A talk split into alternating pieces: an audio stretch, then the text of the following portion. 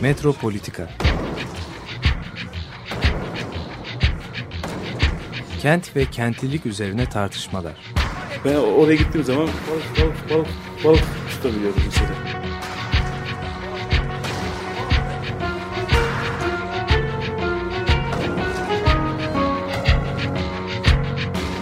Hazırlayıp sunanlar Aysin Türkmen, Korhan Gümüş ve Murat Güvenç. Takusu yok yani. Kolay kolay boşaltamadı. Yani elektrikçiler terk etmedi Perşembe Pazarı merkezinde. Merhabalar değerli Açık Radyo dinleyicileri. Ee, bu hafta e, Murat Güvenç ile ben Korhan Gümüş Metropolitika'da karşınızdayız. Ee, bugün sizinle e, bu ilk önce isterseniz haritalardan başlayarak e, konuşmaya başlayalım. E, bu salgın haritası hakkında e, Murat'ın ben özellikle yorumlarını e, merak ediyorum. Ee, özellikle yani Türkiye e, üzerinden e, uzun süre salgın e, tanıtıldı. Salgınla ilgili bilgiler, vaka sayıları Türkiye rakamları olarak iletildi. Ancak yerel e, konulara girmemiz, yerel göstergelere girme meselesi epey zaman aldı. Yani bunun için bir ayın geçmesi gerekti neredeyse. Sonra İstanbul özelinde de özellikle Büyükşehir belediye başkanının da açıklamasından sonra salgının %60 İstanbul'da gibi bir açıklama yaptı. Harita tekrar önem kazandı. Şimdi elimizde bir takım haritalar var. Ee, birkaç tane harita var gördüğüm kadarıyla. Fakat gün be gün karşılaştırmalı bir şekilde gelişmeler yerel bilgi üzerinden tam olarak izlenemiyor. Yani ben en azından aradığımda e, bu şeyleri gö göremiyorum. Yani semt semt vakaların nasıl arttığı, nasıl e, gelişmeler yaşandığı e, bilmiyorum. E, bunun nedeni nedir ama aslında bu yerel bilginin çok önem taşıdığını özellikle salgın yönetiminde yerel bilginin çok önemli olduğunu biliyoruz. Çünkü karantina uygulamaları olsun hatta apartman bazında karantina uygulandığı yerler dahi var. Dolayısıyla senin yorumun nasıl Murat? Sen ne nasıl değerlendiriyorsun bu haritayı, salgın haritasını?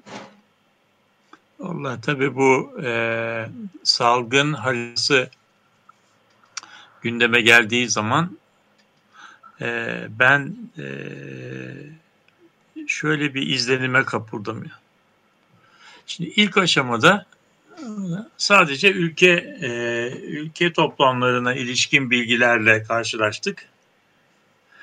Daha sonra e, aradan birkaç hafta geçtikten sonra böyle Türkiye'de e, bütün vakaların yerini gerçek e, coğrafi konumla gösteren e, siyah fon üzerine dört tane renkli e, yuvarlaktan yuvarlakların dağılımından oluşan okunması e, yani e, olanaksız, pratik olarak pratik olarak olanaksız diyebileceğimiz biz bir e, e, bir e, bir haritayla karşı karşıya bulunuyoruz. Şimdi bu haritanın e, bu haritanın fiilen okunması olanaksız. Niye olanaksız? Çünkü insan e, insan gözü e, haritayla karşılaştığı zaman aynı anda sadece ve sadece 7 tane farklı oluşumu seçebilir. Halbuki buradaki renklere baktığınız zaman e, ağır hasta, evde bakılan hasta, orta ağır hasta, bir de şeydeki e, efendim, bu e, yoğun bakımlardaki ha, hasta gibi dört tane farklı renk vermişler tabii aynı mahalleden bu dört tane bu renk giren e, vakalar olduğu için harita e, kesinlikle e, e, bir e, okunaklı bir örüntü oluşturmuyor. Yani bu durumda biz ne kent ölçeğindeki dağılımı okuyabiliyoruz, ne bölge ölçeğindeki dağılımı okuyabiliyoruz, ne de e, ne de mahalle ölçeğindeki e, dağılımı okuyabiliyoruz. okulu e, okunaklı bir harita üretebilmek için bu bilgilerin e, mahalleler veya semtler veya daha böyle daha geniş alanlar itibari toplulaştırılarak verilmesi ve haritalanması gerekir. Ne, ne yazık ki e, böyle bir şey yok. Böyle bir kaygı, kaygı da yok, böyle bir çaba da yok. Şimdi bu Murat, durumda iki iki yapılmış olabilir mi diye ben düşünüyorum. Çünkü Valla İstanbul, e, İstanbul ölçeğinde uzun niyeti bilgi alamadık. Ve hatta ha, niye niye 150 bin Yani tane bunu, aracın e, mesela İstanbul'dan ayrıldığı söylendi bir süre. Hatırlarsın şeye gittiğini falan yazlıkçıların. Yani bir e, İstanbul acaba şeyinin bilgisi özellikle perdelenmiş olabilir mi diye ben içime böyle bir kuşku düştü Ya, açıkçası. Yani niyet tabii niyet okumak, niyet yargılamak e, istemem. Bilmiyoruz. Yani neden ne, bunun arkasında ne gibi neden var bilmiyorum. Şimdi bir taraftan da böyle e, böyle komplo teorileri yapmak istemem. Çünkü bi- bizim Türkiye'de maalesef e, harita konusu e, ne muhaliflerin ne de ne de e, ne de e, işte iktidarın ne de kamuoyunun çok dikkat ettiği, e, önem verdiği bir alan değil. Yani harita, harita bizim e, lise coğrafya e, e, derslerimizden kalan, kaldığı gibi yani son derece böyle e, can sıkıcı, istenmeyen yani bir şey olarak görüyor. Bizim harita kültürümüz doğrusu çok zayıf. O yüzden bunu e, bunu böyle mahsus yapıldığını e, bilemiyorum. Biz biz e, yani e, hastalık konusunda bilgi alamıyoruz ama mahallelerin geliri, e, işte eğitim düzeyi filan gibi bilgileri de alamıyoruz. Yani mahalle, yüksek çözünürlükte veri temini Türkiye'nin en büyük sorunlarından bir tanesini oluşturuyor. O yüzden burada da bir kez daha bunun tezahürünü görüyoruz. Yani burada bir kasit e, kasit olmayabilir diye düşünüyorum. düşünüyorum evet. Ama bir perdeleme de olabilir. Yani yani onu onu orasında da yoktur da diyemem, vardır da diyemem. Yani. Ama bilginin açık olması, şeffaf olması yani siyasi görüşle hiç alakası olan bir konu değil aslında. E, tabii, yönetimle aşikar. ilgili bir konu. Bir de mahal yönetimi burada çok önemli. Çünkü bir mahal Çok doğru. yönetiliyor bu iş sonuçta. Yani karantina dediğimiz konu olsun, önlemler olsun. Yani sadece sağlık personelinin e, yaptığı çalışmalarla sınırlı değil. Yönetimsel bir boyutu var. Mesela İstanbul Büyükşehir Belediyesi'nin yaptığı açıklamada bir takım semtler geçti. İşte şu semtlerde üç tane semt saydılar. Bu semtlerde vaka sayısı daha yoğun dediler. Sonra nüfus bilimsel açıdan hani karşılaştırıldığı zaman İstanbul evet çok büyük bir nüfusun yaşadığı bir şehir ama Türkiye ortalamasının üzerinde 10 misli üzerinde vaka sayısı ortaya çıkıyor. Yani salgının aslında İstanbul'un özellikleri nedeniyle mekan düzenleme özellikleri itibariyle küresel bir şehir olması özellikleri itibariyle ekonomik açıdan yapısı özellikleri, çalışan nüfusu özellikleri itibarıyla aslında bazı şeyler hakkında bilgi verdiğini gösteriyor. İstanbul'dan daha e, tabii işte alt ölçeklere girdiğiniz zaman, ilçe ölçeklerine baktığınız zaman da bir takım, bir takım bilgiler ortaya çıkıyor. Dolayısıyla aslında bu yönetimin, acil durum yönetiminin aslında en önemli araçlarından biri de bu mahalli bilginin işlenmesi. Bunu işleyecek Aynen. aygıt tabii ki Sağlık Bakanlığı bu bilgiyi e, şey yapıyor. Yani mutlaka güncelliyor ve her gün mahal bilgisini kendi elinde toplanıyor. Fakat bu bilginin yerel yönetimle de paylaşılması lazım. Yerel insanlarla da paylaşılması lazım. Yani bilginin paylaşımında aslında bir problem olabilir. Ben bilginin değerlendiği ve toplantı konusunda e, şeyim yani orada bir kuşkum yok. Bilgi toplanıyor mutlaka, toplanmıyor değil. Fakat iletişim konusunda belki bir e, eksiklikten söz edilebilir. Yani çünkü kurumlar Türkiye'de biraz ayrı ayrı çalışıyor. Mesela e, bir e, Almanya'daki duruma baktığımız zaman acil durum yönetiminde yerel yönetimlerle bölge yönetimleriyle merkezi yönetim arasında mutlak bir işbirliği var. Yani her ölçekte bir işbirliği şey gözüküyor. Türkiye'de biraz sanki hala bu eski kapalı ilişki şekli devam ediyormuş gibi kurumlar arasında yeterli bağlantılar kurulamıyormuş gibi bir izlenim insan elde ediyor. Özellikle bu hafta sonu uygulanan sokağa çıkma yasağında görüldüğü gibi. Belediyelerin mesela haberi yoktu. Toplu taşıma seferlerini yapan bir kurum. Ee, ekmek üretimi yapan bir kurum. Gıda dağıtımında rol alan bir kurum. Çünkü halleri ve şeyleri yönetiyor. Meyve giriş, sebze giriş çıkış yerleri bütün bu e, şeyle ilgili düzenlemeleri yapan kurumlardan biri de belediye, belediye çünkü.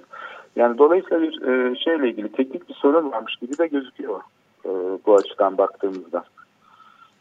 Çok doğru. Yani bu e, e, buna sen eski bir e, yaklaşım diyorsun ama ben buna eski kelimesi yerine bu eski dilde kullanılan müzmin. Yani bizim hiçbir zaman e, aşamadığımız kronik bir sorun. Biz bu veriyi, bilgiyi e, e, kamu üzerinden kamulaştıramıyoruz. Yani kamuya açık hale getiremiyoruz. Yani veriyi toplayan verinin bir güç olduğunun çok iyi bilincinde olmalı ki bunu başkalarıyla paylaşmıyor. Paylaşmadığı şey kamuoyunun yanı sıra diğer kurumlarla da paylaşmıyor. Yani o yüzden bizim Türkiye'de e, belki birçok başka ülkelerde de var. Yani verinin paylaşılması alanında çok büyük bir e, problemimiz var ve bu tabii e, epidemiyoloji alanında, salgın alanında muazzam bir handikapımız oluşuyor. Mesela sana şöyle bir şey söyleyeyim. E, bilginin, özellikle epidemiyolojik bilginin mekansal olarak e, temsili e, dünya tıp tarihinde çığır açıcı bir e, dönüşüme yol açmıştır. E, biliyorsun e, 19. yüzyıl ortalarında Londra'da bir kolera salgını oluyor. Önemli bir kolera salgını oluyor. Bu salgın sırasında ismi Doktor Snow olan bir e, birisi, bir doktor e, bu bilgileri e, listeler halinde gördüğü bilgileri ya bir de bunları ben bir harita üzerinde göreyim diyor. Bir, ve ölümleri e, yüksek çözünürlükte yani oldukça büyük ölçekli bir haritada böyle 1 bölü 500, 1 bölü 1000 gibi bir haritada bir Londra haritası üzerinde noktalar halinde e, konumlandırılıyor. Bir de bakılıyor ki ölümlerin büyük bir kısmı Londra'nın işte bu işçi sınıfı mahallelerinin e, bir bölgesinde aynı e, su kuyusundan su temin eden bir e, konut topluluğunun etrafında e, kümelendiği anlaşılıyor. Diğer yerlerde yok. Aa, ondan sonra bu bilgiler, e, bu bilgilerin e, analizinden çıkıyor ki bu şeyin salgının o suyu, su kuyusuyla bir ilişki olmalı deniyor. O zaman su e, kuyudan su örneği alınıyor ve e, bu örnek incelendiğinde işte tıp, tıbbı, bugünkü tıbbı bu hale getiren ve mikrobiyolojinin kurumu olan yani hastalıkların nedeni ortam, miyazma filan olmadığı bir suda yaşayan bir takım bakteriler olduğu şey yapıyor. Ve bu bakteri daha sonra bütün hijyenin, bütün hıfz sahanın kurulmasına gidiyor. Yani harita aslında e, beyin epidemiyolojinin temel araştırma ve e, müdahale araçlarından bir tanesi. Haritasız bir şey olmaz ama bize dağıtılan haritalar bizi e, bu salgını e, diğer toplumsal e, bağlı ve mekansal e, correlate'leriyle onlar onunla beraber eşlik eden diğer faktörlerle e, ilişkilendirmeyi imkansız hale geliyor. Yani demin sen konuşurken söyledin ilk başlarda hiç verilmiyordu. Yani Türkiye toplumu veriliyordu. İl toplamları da verilmiyordu. Daha sonra il toplamları verildi. İstanbul'un işte yüzde yirmi, yüzde on sekizlik nüfus ağırlığına rağmen hastalıkların yüzde altmışına sahip olduğu gösterildi ama bunun neden olduğu açıklanmadı. Ondan sonra da mekan e, dağılım bilgisi verilmiyor eleştirileri sürerken bu sefer bütün Türkiye ölçeğinde e, 30 bin vakanın noktasal dağılımını gösteren e, haritalar e, basın toplantılarında e, gösterilmeye başlandı. Bu e, haritalar evet bütün e, vakaların konumunu gösteriyor ama bizim gibi e, yani normal bir insanın algılama gücüyle e, okunup anlaşılıp değerlendirilebilecek e, türden haritalar değil. Onun için bizim e, bu konuda yüksek çözünürlükte bilgiye ihtiyacımız var. Bu bilgi elimizde olsa inan e, inan yani şimdi burada bir iddialı bir şey olacak ama yani çok kısa zamanda bir iki gün içerisinde çok okunaklı bir e, şey e, korona 19 e, ülke haritası üretilebilir mahalle düzeyinde. Ama bilgi paylaşılmıyor.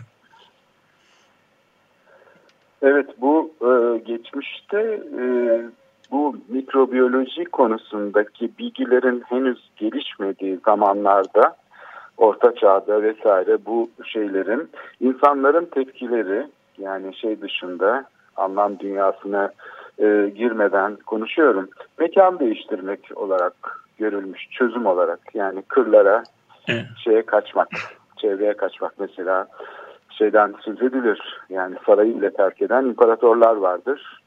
Ee, salgın sırasında, veba salgını sırasında şehirde yaşamaya, yaşama imkanı kalmadığını düşünüp hayatlarını riske atmamak için şehir dışına kaçanlar. Ee, bu çevre e, algısı da enteresan. Yani henüz mikrobiyoloji konusunda araştırmalar e, yok ortada ancak insanlar doğaya kaçarak e, salgınlardan kurtulabileceklerini fark ediyorlar. Bu 19. yüzyılda da şehirlerin düzenlenmesinde önemli bir e, şey, araçlardan biri. Özellikle e, mezarlık alanlarının parklara çevrilmesi, dönüştürülmesi, e, yeni yerleşim alanlarının özellikle yüksek sınıfların e, şeye doğru e, yerleşmeleri, yani şehrin periferisine yerleşmeleri, e, sağlıkla ilgili bir kaygıyla gerçekleşiyor aslında. Bütün bu banliyöleşme hareketleri falan şehir planlamasını da etkiliyor aslında salgın hastalıklar diyebiliriz tahmin ediyorum. E tabi yani şimdi burada e, burada e, bu benim bahsettiğim 1855 buradaki bu büyük e, devrimden önce yani Hıfzı Sığa'nın bir e, tıp alanında hakim paradigma haline e, gelmesinden önce e, insanlar tabii şehirlerdeki ölüm oranlarının kırdan çok daha yüksek olduğunu biliyorlar ve e, kent yazınında şehirler bir birer ölüm tuzağı gibi e, ele alınıyor. Çünkü şöyle tuzak şundan kaynaklanıyor. Kırda evet yaşam koşulları daha e, müsait fakat kırın besleyebileceği e, insan sayısı çok sınırlı. Eğer insanlar kırda yaşarlarsa kırda muazzam bir e, fazla nüfus, surplus population yani artık nüfus birikiyor ve kır onlara yeteri kadar gelir temin edemiyor. İşler ve gelir kentlerde fakat kentlerde de yaşam şeyi, yaşam koşulları çok kötü. Bu bağlamda kentlerdeki insanlar çocukları doğduğu zaman e, şöyle stratejiler belirliyorlar. Yani önce çocuk doğmadan para biriktiriliyor.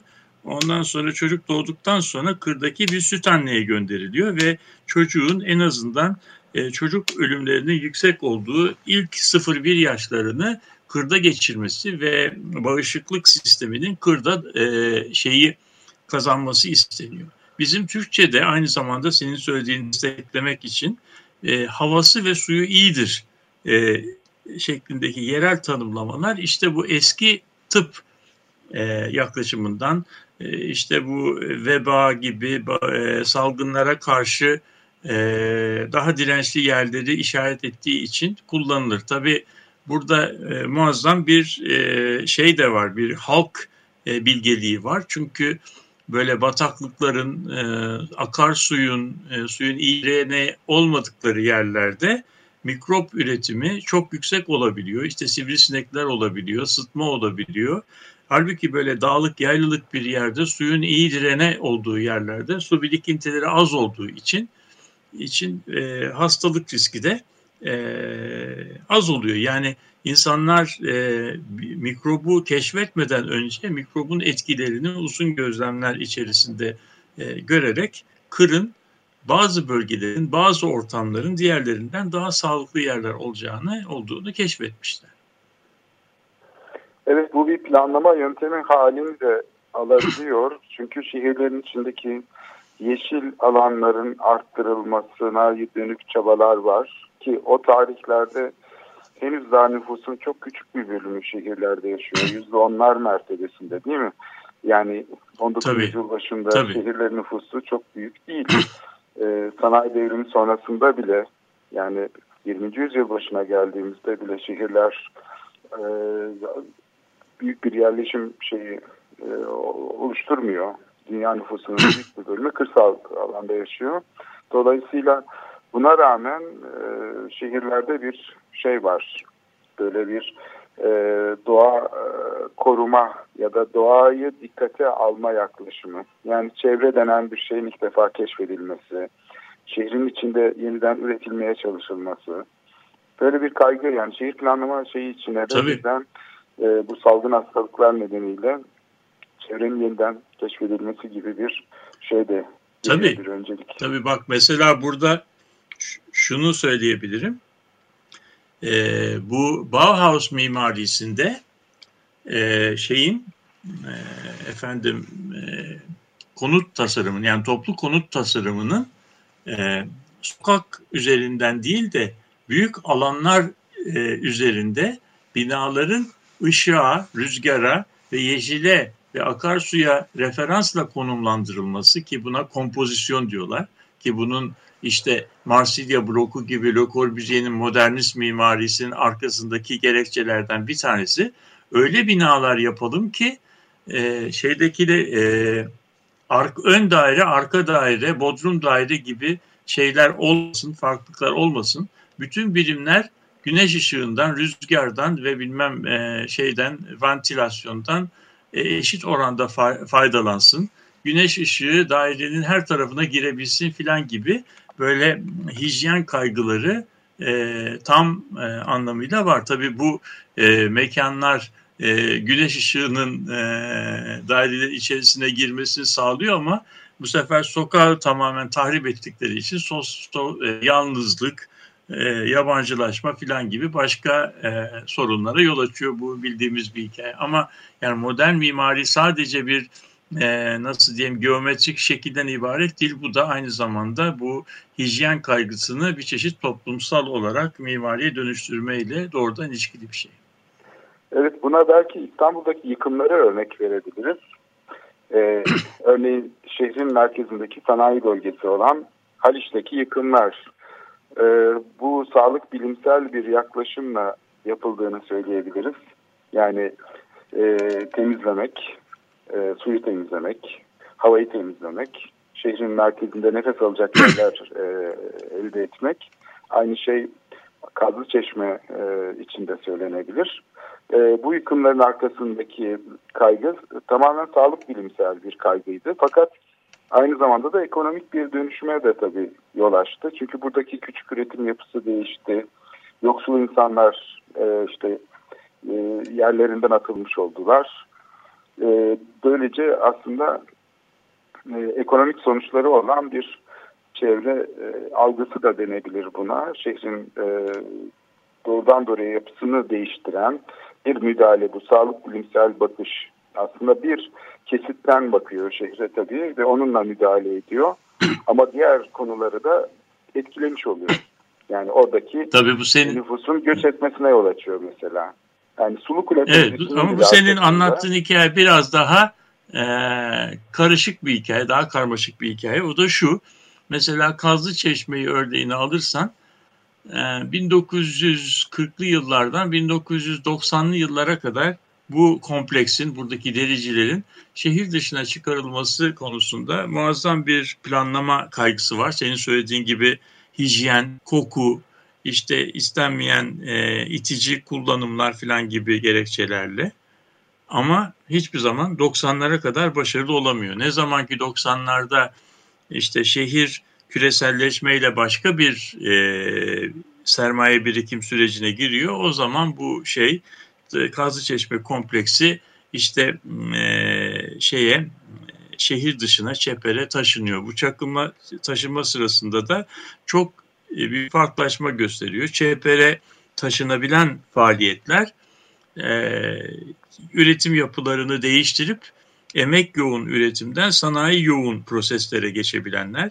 Geçemeyenler ise bu sefer e, Trakya'da, Bursa'da çeşitli böyle yerlerde korsan e, imalathaneler kuruyorlar ve suyu kirletmeye orada devam edebiliyorlar. Şeyde Haliç için e, hikaye çok benzer. E, Haliç'in de şeylerden kurtarılması uzun bir süreç. Ama e, 80'lerin sonunda dalan zamanında Haliç işte çeperleri hijyen gerekçesiyle e, temizlendiği zaman aslında Haliç'teki e, sanayi tesislerinin büyük bir kısmı e, zaten e, kent çeperine taşınmış vaziyetteler. O zaman Haliç'in etrafındaki imalathanenin büyük bir kısmı da bir depolama işlevi görüyor. Yani şey açısından, üretim açısından çok büyük bir risk e, taşımayan bölgeler olduğu zaman e, müdahale edilebiliyor. Yani hijyen hiçbir zaman benim gördüğüm kadar Türkiye'de e, ekonomik şeyin getiri kaygısının e, üzerinde onu yenebilecek güce erişmiyor. Fakat çok her zaman çok e, geçerli bir sosyal e, gerekçe vazifesi görüyor. Yani bir meşrulaştırıcı gözüyor. Ona çalışıyor. Evet. Evet bu doğa ve kültür işte doğa ve insan e, bu ilişki aslında programın ikinci kısmında istersen biraz daha değinelim. Şimdi bir nefes alma molası verelim istersen. Moby'den Porselen'i dinliyoruz.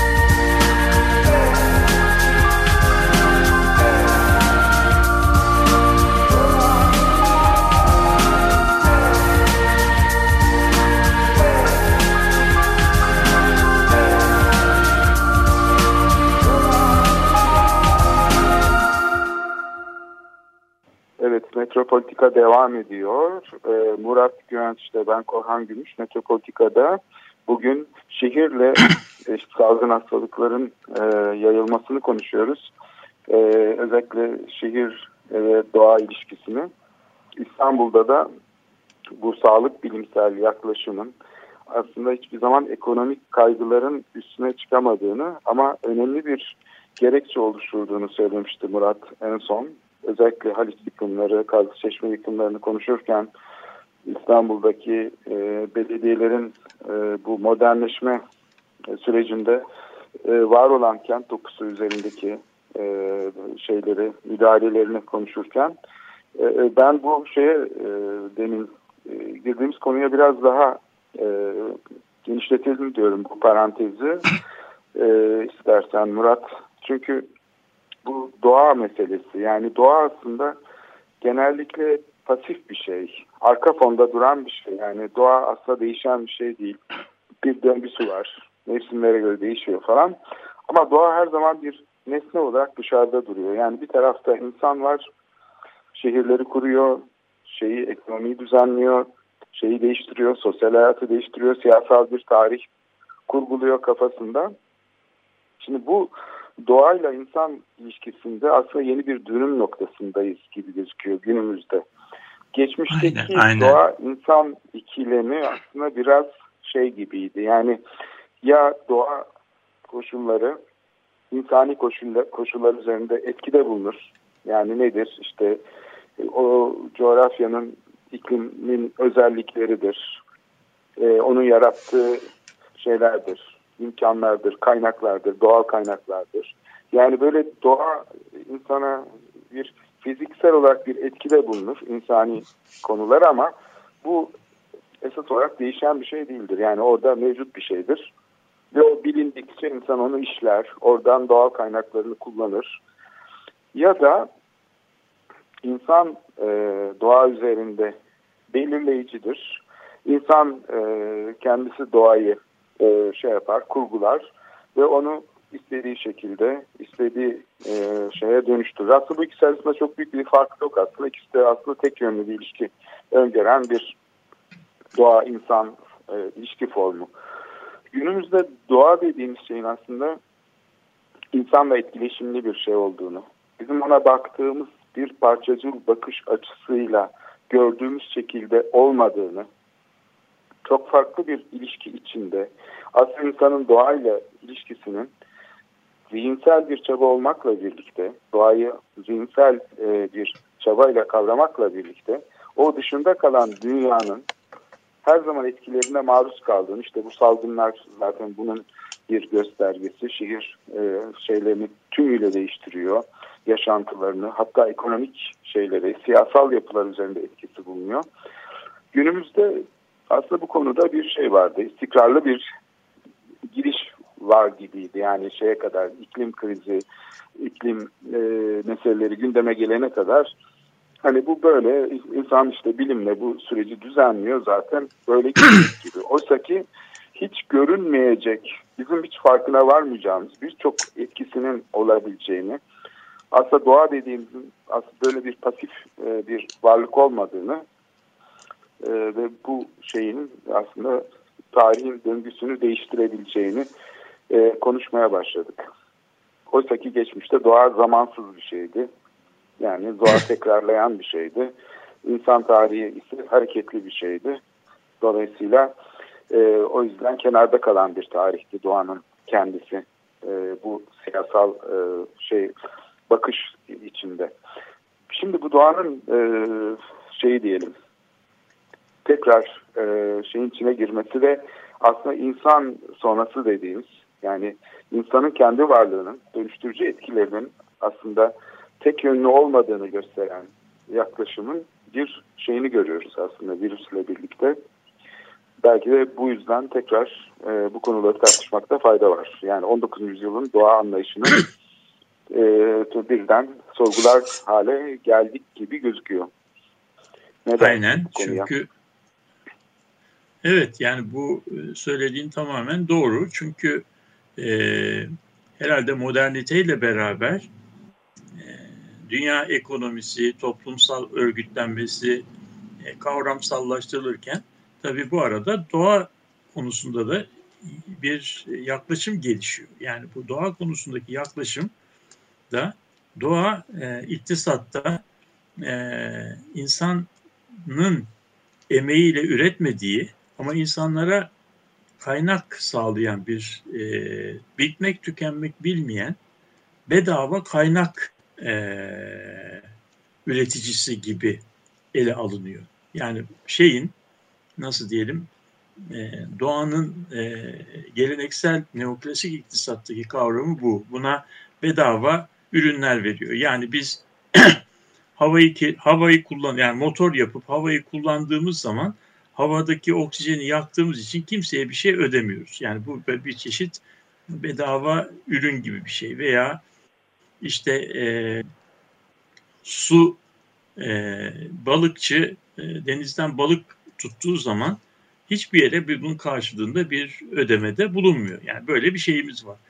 Bu kavramsallaştırmanın e, getirdiği noktanın e, bizi doğayı e, yani tüke, şeyce nasıl diyelim düşüncesizce tüketilebilir bir e, kaynak e, bitmek tükenmek bilmeyen bir üretim kaynağı, ham madde kaynağı gibi görmemize sebep oluyor. Ve bu, e, bu bunun sonuçlarını da e, işte ilk görmeye başladığımız dönem 1970'lerde bu çevre hastalıklarının, çevre duyarlılığının yükseldiği dönemde yani işte e, şeyle büyümenin sınırları var filan e, konulu e, şeylerle yaklaşımlarla bu şeyin e, büyümenin sonsuza kadar eskiden olduğu gibi demeyeceği, bunun bir takım sınırları olduğu ve bu dünyanın bundan fazlasını kaldıramayabileceği konusunda duyarlılıklar var. Şimdi ilk başta bu radikal bir e, çevreciliğe, daha sonra bu yumuşatılarak 1980'lerin sonunda Brundtland raporuyla beraber işte sürdürülebilir e, gelişme gibi daha yumuşak, daha şeye e, neoliberalizmle e, eklemlenebilecek bir kavrama, işte kirleten öder gibi e, prensiplerin yapılmasına filan e, yol açıyor. Fakat 2000'li yıllardan sonra yapılan e, büyük gelişme gösteriyor ki bu e, büyümenin sınırları e, vardırdan işte iklimin değişmesine gidecek etkiler, ozon deliğinin bilmem büyümesi gibi sonuçlara geliyor ve bu yer kürenin bu şeyi e, taşıyamayacağı konusunda bir e, kaygıların, duyarlılıkların yükselmesine sebep oluyor. En geçtiğimiz yıllarda hatırlayacaksınız işte bu şey çevre zirveleri filan. E, ama e, herhalde bu konuda e, duyarlılıklarını gösterenlere karşı e, yerleşik e, iktisat çevrelerinin şeyi işte o yani olay sizin söylediğiniz kadar vahim değil yani işte bu e, teknoloji bu sorunları çözecektir.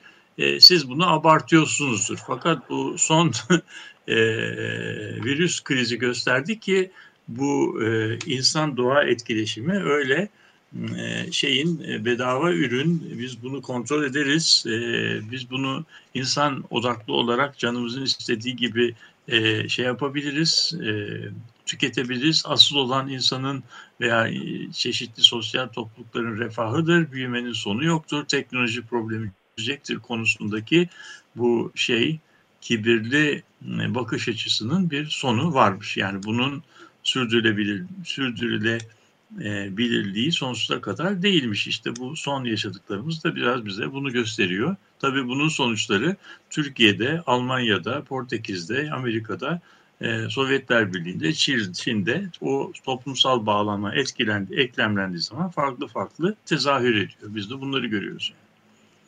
Peki şeyin e, şimdi ben mesela 40 senelik bir e, perspektif içinde baktığımda ya da 20 senelik bir perspektif içinde baktığımda yaşadığım çevreye çok önemli değişiklikler görüyorum. Mesela Marmara Denizi'nin kirlenmesi. Hani işte 168 çeşit balık vardı. Şu anda 3-4 tane balık cinsi var. Yani soyu neredeyse tükendi bazı balıkların. E, fakat hani bir önceki şeye bakıldığı zaman, ondan öncesine bakıldığı zaman mesela sanayi bölgelerinin oluşması şehirde. Hasanpaşa gaz fabrikasının hani kurulmasını düşünelim. Kurbağadere'nin o şey arka havzasındaki sulak havzaya kuş e, kuşların konduğu bir bölge. Bunu mesela şeyden tanıyoruz. Hani San Jose'deki Doğa Müzesi'nden tanıyoruz. 100 yıl önce işte orada pelikanlar varmış, şunlar varmış falan. Yani bir dolu e, şeyin olduğu, canlının yaşadığı muazzam bir e, şey, bir tabiat parçası. Ekosistem. Ve buraya bir endüstri merkezi kuruluyor aslında. Yani sadece gaz fabrikası, kömürle çalışan bir e, fabrika kurulmakla kalmıyor. Aynı zamanda da işte Anadolu yakasının ilk sanayi bölgesi burada e, şey yapıyor, şekilleniyor. Etrafında işte küçük e, sanayi bölgeleri oluşmaya başlıyor. Oradan giderek şeye doğru uzanıyor. Bu havza arkaya doğru uzanıyor.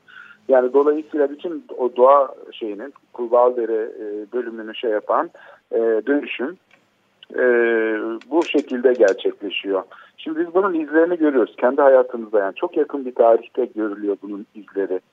Sahillerin doldurulmasıyla işte balıkların e, şey yaptığı, e, çoğaldığı yerler, yumurtladığı yerler şey oluyor. Denizin işte nüfus artmasıyla kirlenmesi ve fosfatların artmasıyla birlikte ilk önce muazzam bir yosunlaşma, sonra cansızlaşma. Bunların hepsini gözümüzle aslında gördük. Yani bu değişim her şekilde gözüktü.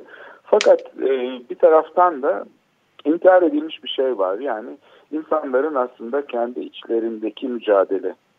Burada inkar edilen şey aslında insani ilişkilerdeki eşitlik e, işte şeylerinin falan tamamen e, perdelenmiş olması ve bir takım nesneleştirici eylemsellikle insanların seçkin bir sınıf oluşturması yani soylaştırıcı süreçler içinde e, bir ayrım ortaya çıkması. Yani insanların aslında birilerinin üstüne basarak kendilerini hep yükseltmesi ve burada iki sermaye türünün rekabet içine girmiş olması. Yani bilgiyle politik sermayenin şehir ölçeğinde özellikle ulus devletin modelinde aslında bir tür kapitalizmin dönüşmesi, mütasyona girmesi gibi bir süreç yaşanıyor bu e, şehir e, şeylerinde.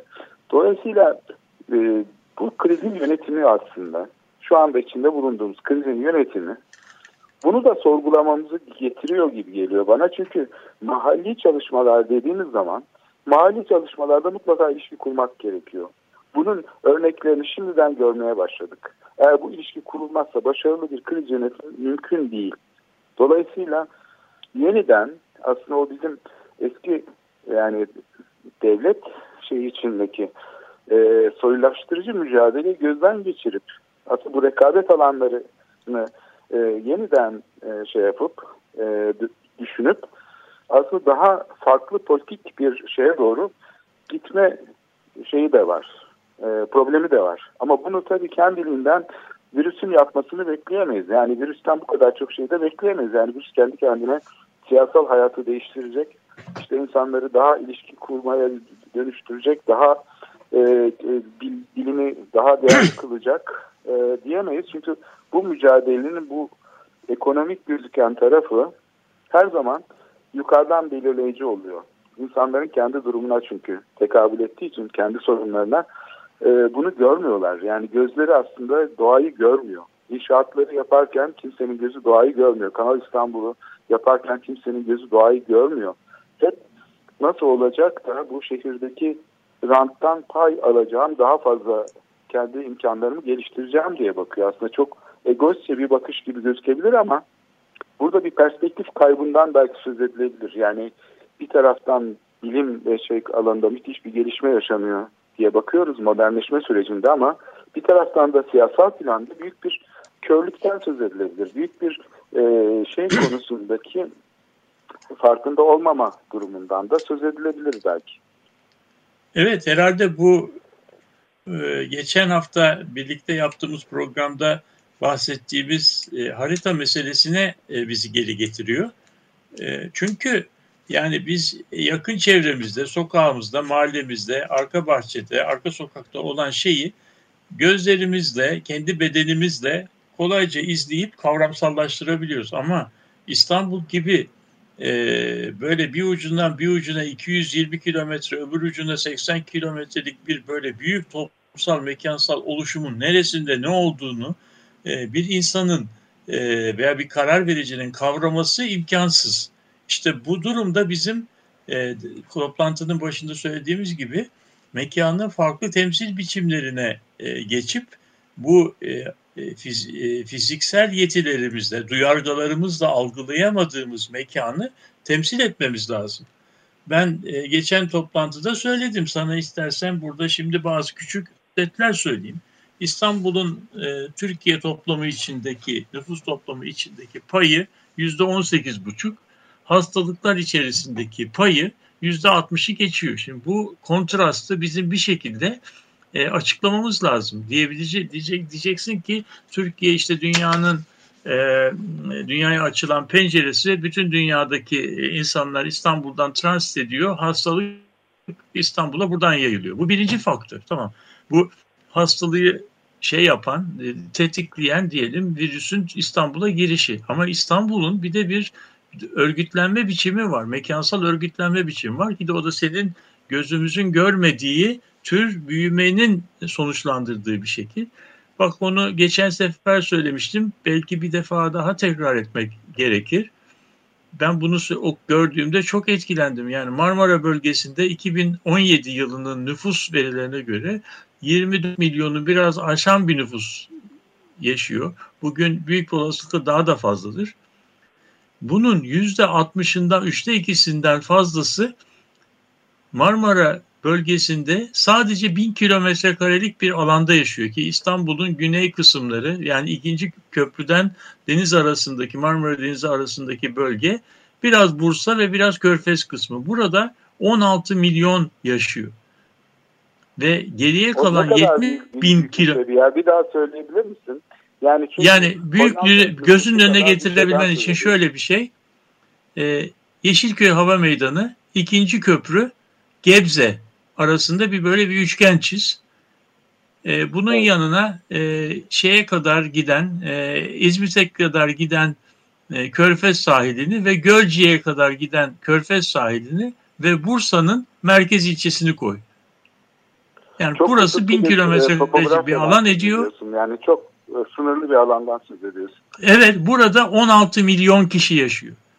Bir ülke ee, Marmara bölgesinin geriye kalan alanı 70 bin kilometre kare ve bu alanda da sadece 8 milyon kişi yaşıyor. Yani tanesi, sonuçta bir, bir, bir yani bu muazzam yani bir İstanbul'da İstanbul'da New York'taki yoğunlukların 3 katına varan bir nüfus yoğunluğu içerisinde yaşıyor.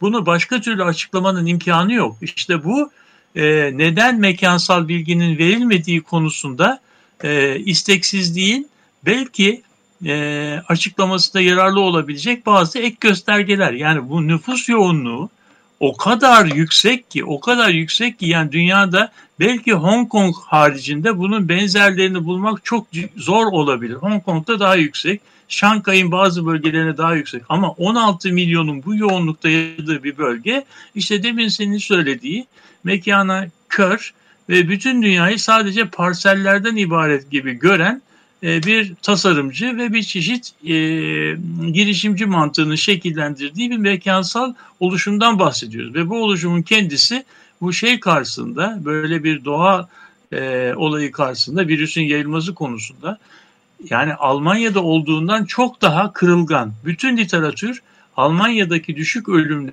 Almanya'daki çok sıkı mekansal gelişme kontrollerine de bağlıyor. Yani tek faktör bu değil ama mekan kontrolü Almanya'da çok sıkı.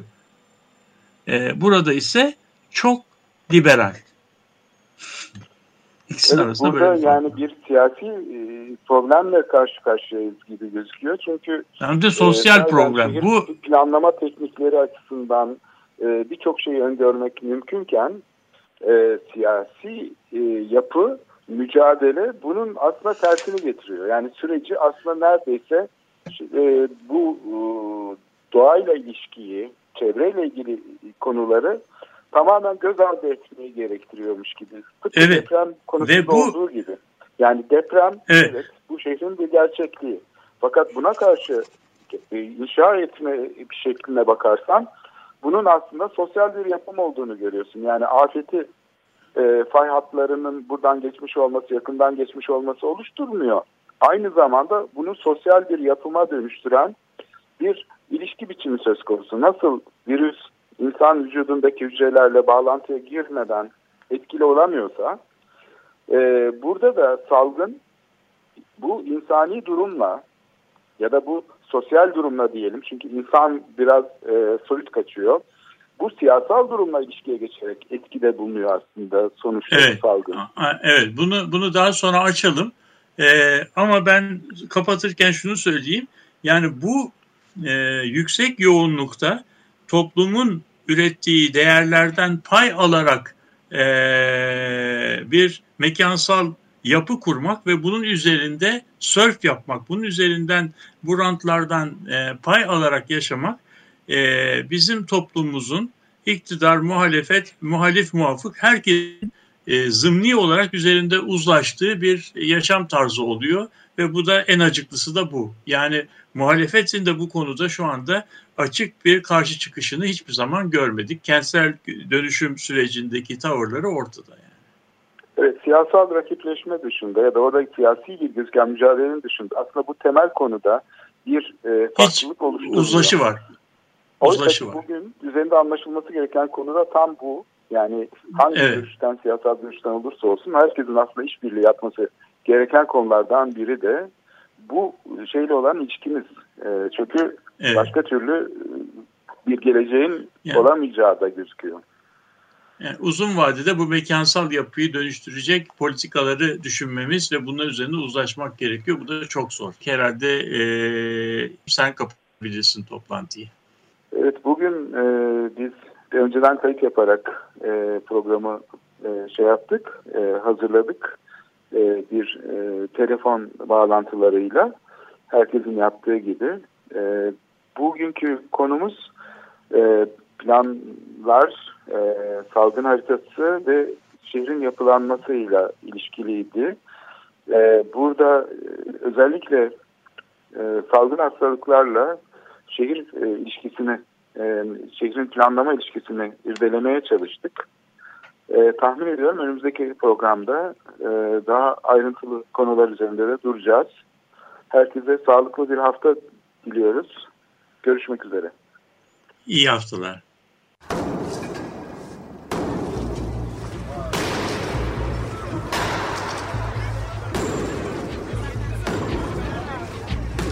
Metropolitika Kent ve kentlilik üzerine tartışmalar.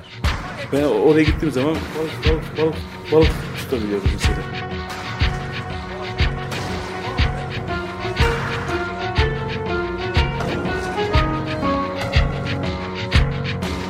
Hazırlayıp sunanlar Aysin Türkmen, Korhan Gümüş ve Murat Güvenç.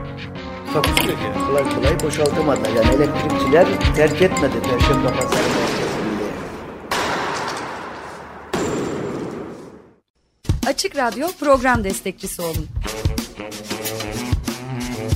Bir veya daha fazla programa destek olmak için 212 alan koduyla 343 41 41